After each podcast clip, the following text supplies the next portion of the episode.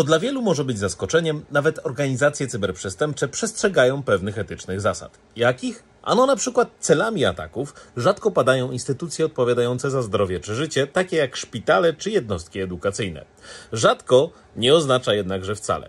Zawsze znajdzie się przecież jakaś czarna owca.